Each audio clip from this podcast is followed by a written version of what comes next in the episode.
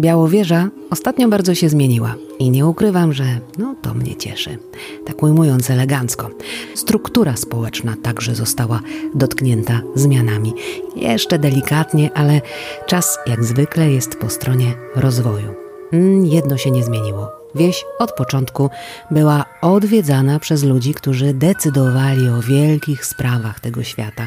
I chociażby z kronik Jana Długosza wiemy o wizytach Władysława Jagiełły, bywali kolejni królowie i carowie, i Aleksander II, i III, i Mikołaj II, a to przyjechał Hermann Gering, a to towarzysz Gierek, no i współcześni politycy też nie omijają Białowieży, decydenci, celebryci, cała jest lista, nie wymienię wszystkich, bo długa.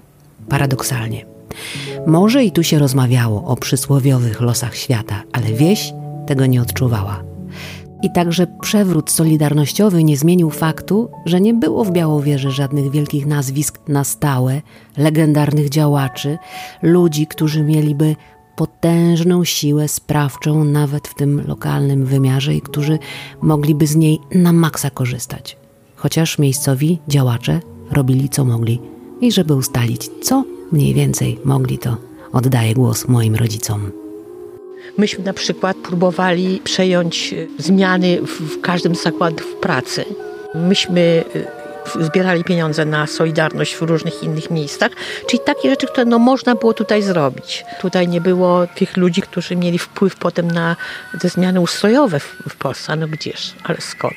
Po prostu myśmy byli takimi małymi takimi członkami Solidarności, którzy wykazywali się poparciem kiedy, gdzie tylko było można. Jeżeli były jakieś apele, jeżeli były jakieś podpisy, to tak, oczywiście czy robiliście jakąś konspirację, bo ja jako dziecko to pamiętam tylko imprezy.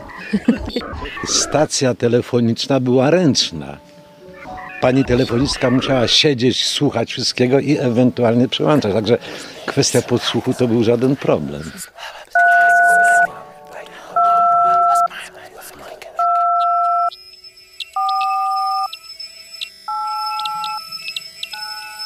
Wyście tak, nie mogli nic robić, no nie było fabryk, tak? Czyli tak. jakby nie ma edukacja na małą skalę, to o czym wyście gadali podczas tych imprez? O tym jak było, o historii, którą odkrywacie, o książkach, które przeczytaliście?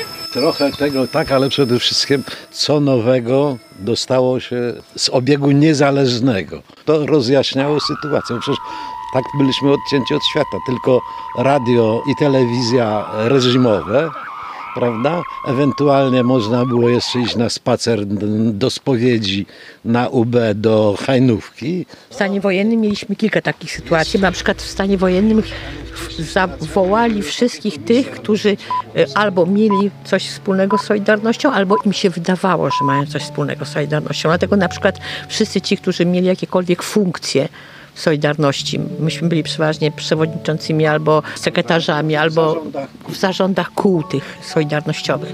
Wszystkich, tak, ja byłam i Przemek też był. Nie pamiętam, czy z sekretarzem, czy skarbnikiem byłem, bo to byłem raz tak, raz tak. W nadleśnictwie, tak. Bo oni przecież mieli porejestrowanych wszystkich, dlatego że Solidarność została zarejestrowana w pewnym momencie. W związku z tym były listy imienne członków kół nierodowici mieszkańcy Białowieży w tym uczestniczyli no, powszechnie. Tak. I nas wszystkich zwinęli właśnie, ale zwinęli nas, ponieważ nie mieli nam właśnie nic do zarzucenia, no bo co?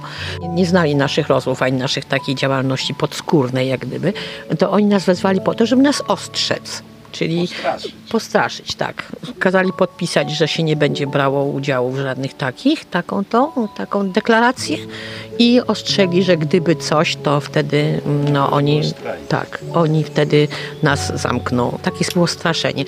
To było o tyle dla nas nieprzyjemne, że myśmy nie wiedzieli w ogóle, co oni zrobią.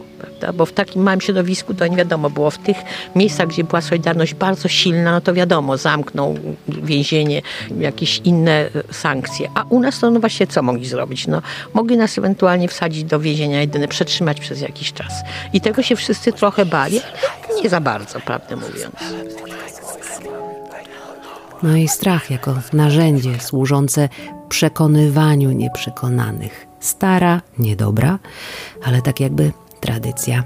Więc ci, którzy chcieli, przekraczali granice komfortu własnego, oswajali strach i niepokoje i robili to, co uważali za możliwe do zrobienia. W pandemicznych realiach proces przechodzenia od strachu do działania wydaje się być podobny. Poziom ryzyka i tak każdy z nas określa sam, czyli bardzo indywidualnie przypominamy sobie, czego się tak naprawdę boimy bardzo, bardzo, najbardziej na świecie i ile mamy w sobie odwagi, żeby ten strach przekroczyć i pójść dalej. Kiedy w latach 80. ubiegłego wieku moi rodzice rozważali swoje za i przeciw i decydowali się na składanie tych podpisów, uczestnictwo w nielegalnych apelach, przemycanie i rozpowszechnianie dobrych wieści z uznanych przez władze za niedobre źródeł, w tym samym czasie na wysokich szczeblach politycznych grano o nową Europę, o nową wizję Europy. I ta wizja niekoniecznie pokrywała się z wersją opisywaną w tych bibułach. Czasem się zastanawiam, czy te dwa światy, świat wielkich graczy politycznych i zwyczajnych ludzi podejmujących swoje codzienne decyzje, czy te dwa światy naprawdę tworzą ten jeden, najlepszy z możliwych światów, jak uważał niemiecki filozof Gottfried Wilhelm Leibniz, głoszący taką optymistyczną filozofię. Czy te dwa światy, Gdzie te dwa światy się łączą? Czy te dwa światy? W którym miejscu te dwa światy się łączą? W którym momencie?